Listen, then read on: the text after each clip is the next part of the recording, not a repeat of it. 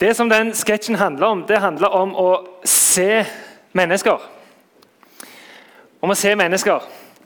Og Det var jo ulikt hvordan disse som var i den sketsjen, så på hverandre. Du hadde De som var rike, de så jo primært på seg sjøl og på Jesus. Men Jesus, han, hvis en skal ta de kategoriene eller de inndelingene som vi mennesker ofte gjør, hvor vi tenker at okay, noen er sånn og noen er sånn, vi setter oss i ulike grupper, så tok Jesus da identifiserte seg da med de som ble gått forbi. Altså de som var fattige, de som gikk med falske klesmerker, de som ja, en så ned på. Det er disse menneskegruppene Jesus identifiserer seg med hvis en skal ta og kategorisere grupper sånn som mennesker ofte gjør, hvor vi ser på hverandre på utenfra. Hver eh, søndag er det jo, nei, søndag, hver lørdag er det en sånn uh, TV-serie eller sånn uh, program som heter Maskorama. Hvor mange av dere som uh, pleier å se på det? Er det noen som tør å rekke opp hånda? Noen? Det var ikke mange. Denne gullrekka til NRK det kommer ikke til å gå bra denne sesongen hvis det er så dårlig. ja, men så var det noen som ser på det. Men i Maskorama så er det jo at du har folk som er kledd i en uh, i noen sånne flotte kostymer. Veldig mye sånn glitter. Det ser skikkelig sånn fancy ut. Og så er poenget i den programmet der å prøve å gjøre motsatt av det som vi mennesker vanligvis gjør. For det, Vanligvis er det jo at vi er opptatt av det ytre, det som vi ser med øynene våre. Men her i dette programmet så er det å prøve å gjette seg fram til hvem er inni denne kostymen eller drakten. Så da sitter det rundt en haug med dommere og prøver å komme med forslag som sjelden eller aldri treffer, på hvem som er inni kostymene. Og så skal de da prøve ut ifra stemmen på den som synger i kostyme, og litt sånn eh, små fortellinger, prøve å gjette seg fram til hvem er inni der. Så fokuset er da å prøve å se forbi det ytre og se på det indre i den personen som er inni kostymet. Men så er det ikke bare, bare da heller. for det at når det viser seg at I det ene kostymet der fant en da Fantorangen som en sånn barne-TV-figur. Da ble folk ganske sinte, en del av dem, for det var ikke det de hadde sett for seg. At det skulle være en barne-TV-figur inni kostymet. Så Da var det mange som sendte inn sinte meldinger til NRK og mye diskusjon i sosiale medier. For dette her kunne de ikke finne seg i. Det var ikke dette de så for seg at det skulle være en sånn en figur inni der. da. Så da var det ikke riktig det som var heller inni figuren. Det er Faturanger. Men det som vi mennesker ofte gjør med å se på hverandre forskjellig, det kan ofte få veldig alvorlige konsekvenser i forhold til hvordan vi ser på hverandre og setter hverandre i ulike båser. Et ekstremt tilfelle er det jo dere som nå går i 9. klasse, altså dere konfirmanter, holder jo nå på å samle inn. og Dere som er i 10. klasse, har jo nettopp vært der. For det dere skal lære om hvordan denne type forskjellsbehandling når en så mennesker ulikt, fikk alvorlige konsekvenser. For I Polen, i en konsentrasjonsleir som var under andre verdenskrig, som til Auschwitz, der ble jo over 1,1 millioner mennesker drept på mindre enn fem år. For det at de som eh, de som eh, starta krigen, altså nazistene med Adolf Hitler i spissen, så på en gruppe mennesker på en annen måte og tenkte at fordi de ser ut sånn som de gjør, så er de mindre verdt enn oss andre. Og tenkte at det aller beste for menneskeheten sånn som nazisten tenkte, det er å utrydde dem. Så Over 1,1 millioner skal ifølge historikere ha blitt drept i denne, bare i denne leiren. Hvor de flesteparten av de var folkeslaget jøder. For det, når de så jøder, så tenkte de det var feil.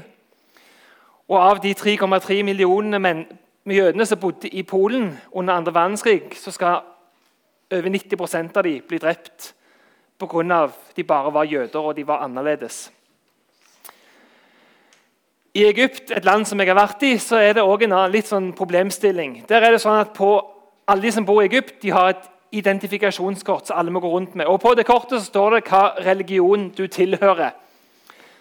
Og Hvis det da står på det, det kortet at du er kristen, så begrenser det mulighetene dine i det samfunnet. Det er mange ting du ikke får mulighet til å gjøre, og du blir sett ned på. Og hvis du er kristen, hvis du fra før av har vært for muslim, som de fleste er, og som er en offisiell religion i det landet, så får du ikke lov å endre kortet ditt til å bli kristen fra muslim til kristen. Selv om du da begrenser mulighetene dine i det landet, så er det mange som ønsker å gjøre det fordi at de er overbevist i seg selv at de vil være kristne. Så Det har det vært mange rettssaker på med folk som har, prøvd, har ønska å få endre dette, men får ikke lov til det. Men hvis du er kristen og vil endre til muslim, så er det ingen problem. Men disse menneskene som er egypterne, de ser helt likt ut sånn som alle de andre. Men forskjellen er at de kanskje oppfører seg litt annerledes. Og så har de på det identifikasjonskortet at det står kristenheten for noe annet. Som gjør at de får begrensa sine muligheter. Så de blir sett på annerledes som annenrangs borgere i det landet de er en del av. Og eh, Klokka seks i kveld så skal det bl.a. være et fakkeltog fra Flekkefjord kirke rundt i byen for å sette fokus på mennesker som blir forfulgt, blir trakassert pga troen sin på Jesus med et informasjonsmøte her i slutten etter fakkeltoget. Så dere er velkommen til det. En annen måte som er litt mer sånn harmløs måte å, for, å forskjellsbehandle og se forskjellig på hverandre, det er sånn som en på iPhone. Hvis du sender melding iMessage til en person som har en annen iPhone, så får du opp blått ikon. Hvis du får melding av en som ikke har en iPhone, så får du grønt. Og Det er for å vise at det, får, det er for å vise at det er en forskjell mellom den du får melding av. Og Så kan det på en måte virke litt harmløst. ok, Jeg er blå, jeg er grønn. Men for noen så kan det bli litt sånn ja, Hvorfor er du grønn? Hvorfor er ikke du blå, sånn som alle andre meldingene jeg får? Så Det er litt mer sånn harmløs måte å sånn sett forskjellsbehandle og se forskjellig på hverandre på, men som allikevel kan bli vondt å høre hvis en holder på å ta dette veldig alvorlig i forhold til at en ville at alle skulle hatt en blå farge kontra at noen er grønne. I dag så markerer vi noe som heter starten på eh, noe som kalles global uke. og Det er noe som blir markert i kirker over hele Norge i dag. Og Der setter en fokus på det som vi kaller for moderne slaveri. Slave det er jo noen mennesker som blir undertrykt, blir behandla dårlig. Personer som en gjerne tenker ikke eier seg sjøl, men at de blir eid av andre mennesker.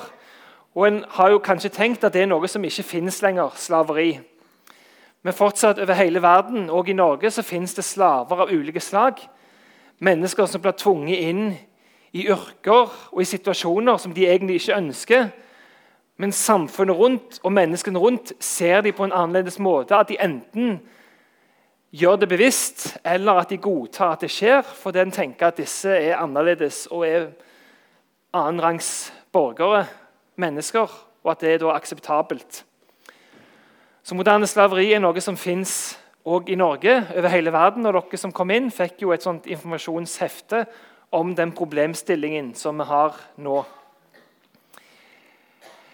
Hvorfor er det vi skal tenke at det er ikke akseptabelt at mennesker blir sett på annerledes og behandla annerledes? At vi skal kategorisere folk på den måten som vi ofte gjør. Utgangspunktet for det tenker jeg er det som står i den aller første boka i Bibelen. Der står det om når Gud skaper verden, og konsekvensene av det. Og Fra når han skaper mennesket, så står det dette her om når Gud skaper mennesket. Og Gud skapte mennesket i sitt bilde. I Guds bilde skapte han det. Som mann og kvinne skapte han dem. Gud velsignet dem og sa til dem, vær fruktbare og bli mange. Fyll jorden og legg den under dere. Dere skal råde over fisken i havet og over fuglene under himmelen og over alle dyr som det kryr av på jorden. Fra dette her, som det står, så står det at Gud er opphavet til absolutt alt. Og Gud skaper mennesket i sitt bilde. Og i det bildet gjelder både mann og kvinne. I enkelte kulturer er det sånn at kvinner blir sett på som mindre verdifulle.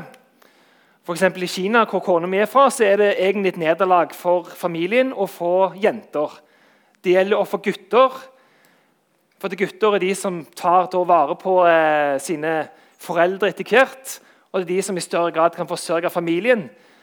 Så ekstreme tilfeller tidligere i Kina, når en bare fikk lov å ha ett barn, så endte det ofte opp med at jenter ble tatt livet av. Fordi at eh, De kunne bare få ett barn, og hvis de bare kunne få ett barn, så skulle de absolutt ikke ha jenter.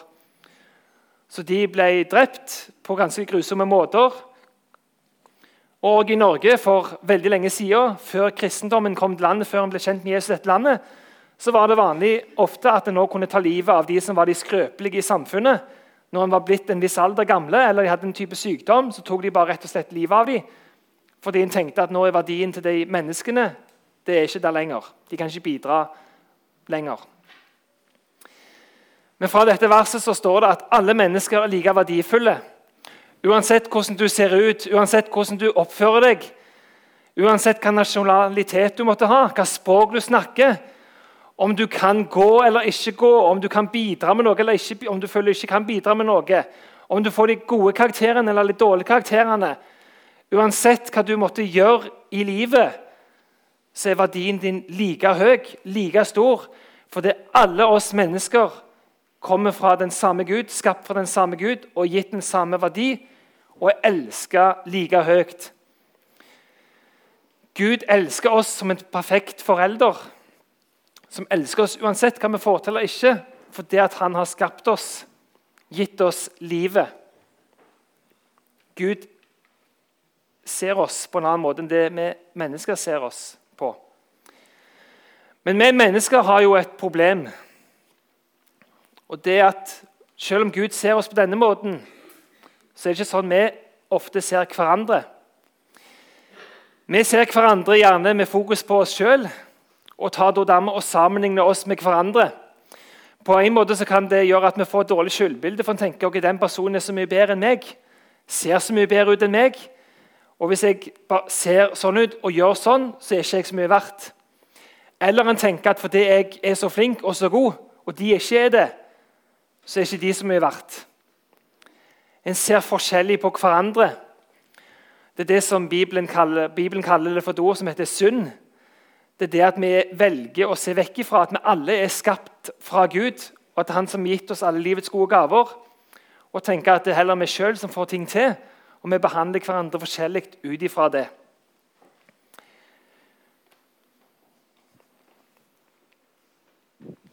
Der drøy batteriet. Der. Spørsmålet er da hva er det du ser? Hva ser du når du ser deg sjøl i speilet? Ser du deg som en som Gud elsker, som er høyt verdifull? Eller ser du deg som en som er mislykka og som ikke har fått ting til? Hvordan ser du de som du går i klassen med, eller de som du er på jobben med? Ser du de som mindre verdt enn deg fordi de har en annen hudfarge eller snakker annerledes enn deg? Eller de ikke har de samme tingene som deg?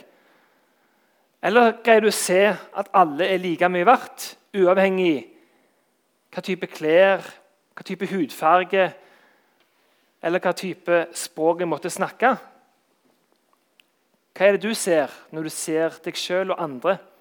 Hvordan ser du det som er i verden? I Gamle Testamentet er det en historie om en konge som skal bli utvalgt.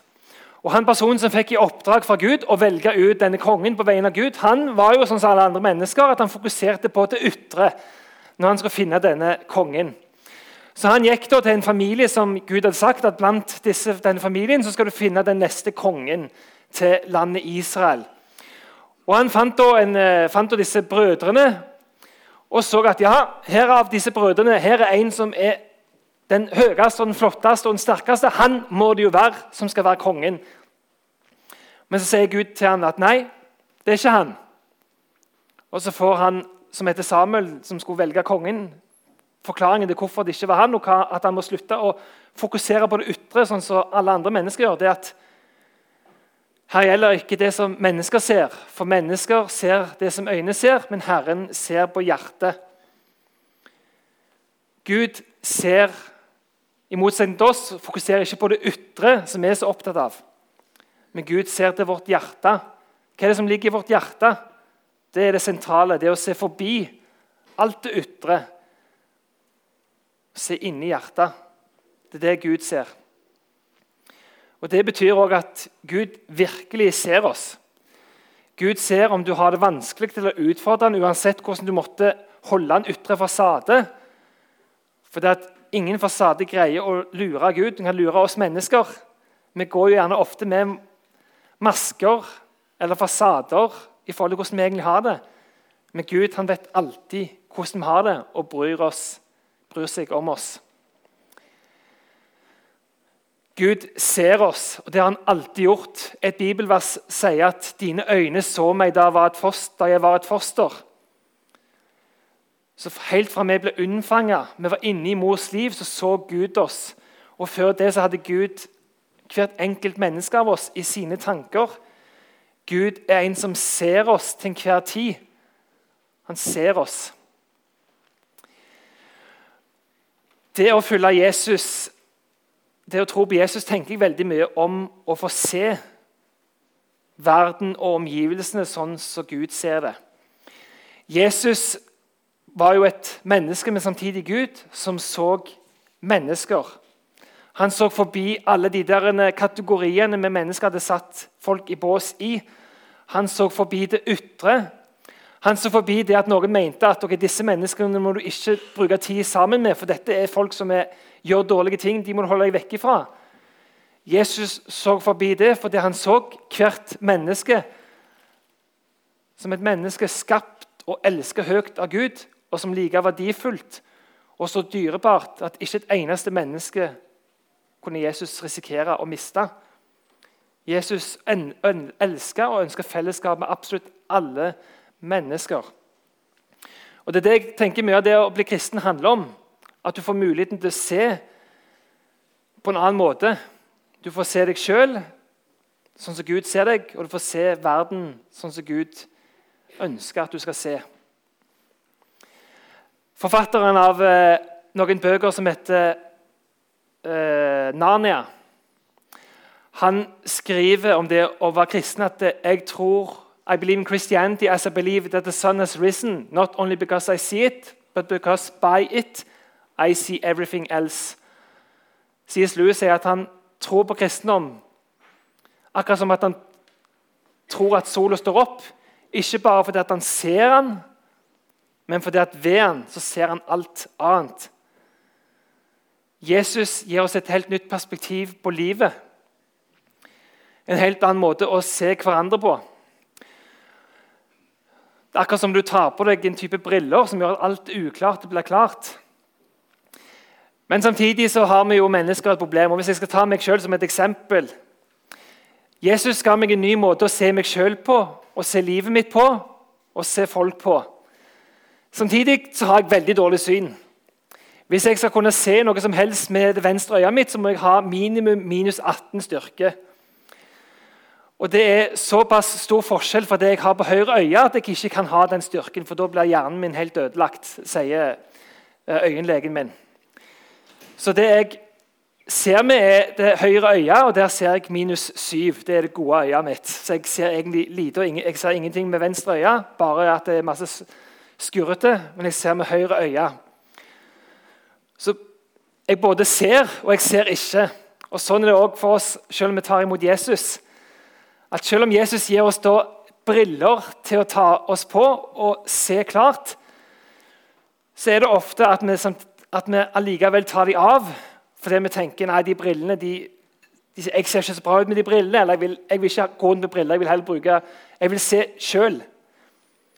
Og Det gjør at vi lever samtidig med å prøve å se oss sjøl sånn som Gud vil se oss, og verden sånn som Gud vil se oss, men samtidig som vi er prega av at vi alltid òg vil ha dårlig syn i oss sjøl. Men så er oppfordringen da å bruke mer de brillene som Jesus, som Gud har gitt oss, istedenfor bare vårt eget, sånn at vi kan se oss sjøl og se samfunnet på en annen måte og For å få til det så er det å bruke mest mulig tid sammen med Jesus, sånn at hans øyne kan få prege mine øyne, sånn at jeg i større grad kan få se de rundt meg sånn som han ville sett oss. Og så er det ingen av oss mennesker som er feilfrie der, og heller ingen kristne som er feilfrie der. Igjen og igjen så kategoriserer vi hverandre og setter hverandre i båser. Og vi veier opp mer og mindre hvem vi, vil, hvem vi tenker er bra å være venner med, og hvem vi tenker vi ikke vil være venner med hvem vi ser opp til, og hvem vi ser ned, til, ned på.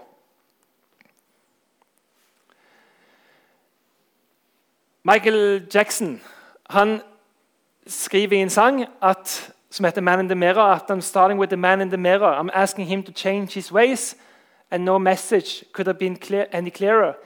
If they want to make the world a better place, take a look at yourself and then make a change. En kan jo bli litt sånt Når en ser på alle de utfordringene som er i verden, hvordan folk blir behandla forskjellig, så kan en jo bli litt matt og tenke at hva kan jeg egentlig gjøre noe med det? Eller jeg kan egentlig ikke gjøre noe som helst. Men det du kan gjøre noe med, er jo deg sjøl. Hvordan er det du vil møte de menneskene som du møter? Hvordan vil du henvende deg til de som er på skolen? Hvordan vil du oppføre deg når du ser at noen blir satt utenfor? Hvordan vil du tenke om de som blir baksnakka på sosiale medier fordi at de ser og virker annerledes enn en sjøl er? Hvordan er du bak tastaturfeltet på Facebook eller andre sosiale medier? Tenker du det er greit å snakke ned andre, tenke at andre i den andre enden er dårligere enn deg? pga. deres valg? Greier du å se mennesker sånn som Gud ser deg? Hvis det skal skje en forandring i verden, så må du starte med nettopp deg. Hvordan er det jeg vil møte dette, alle de problemstillingene? For Hvis det skjer en endring med deg, så er det en start. Og hvis det skjer en endring med alle dere her, så er det en revolusjon. Hvordan vil jeg møte mennesker i samfunnet, på skolen, på jobben, der jeg er? Hvordan vil jeg se andre?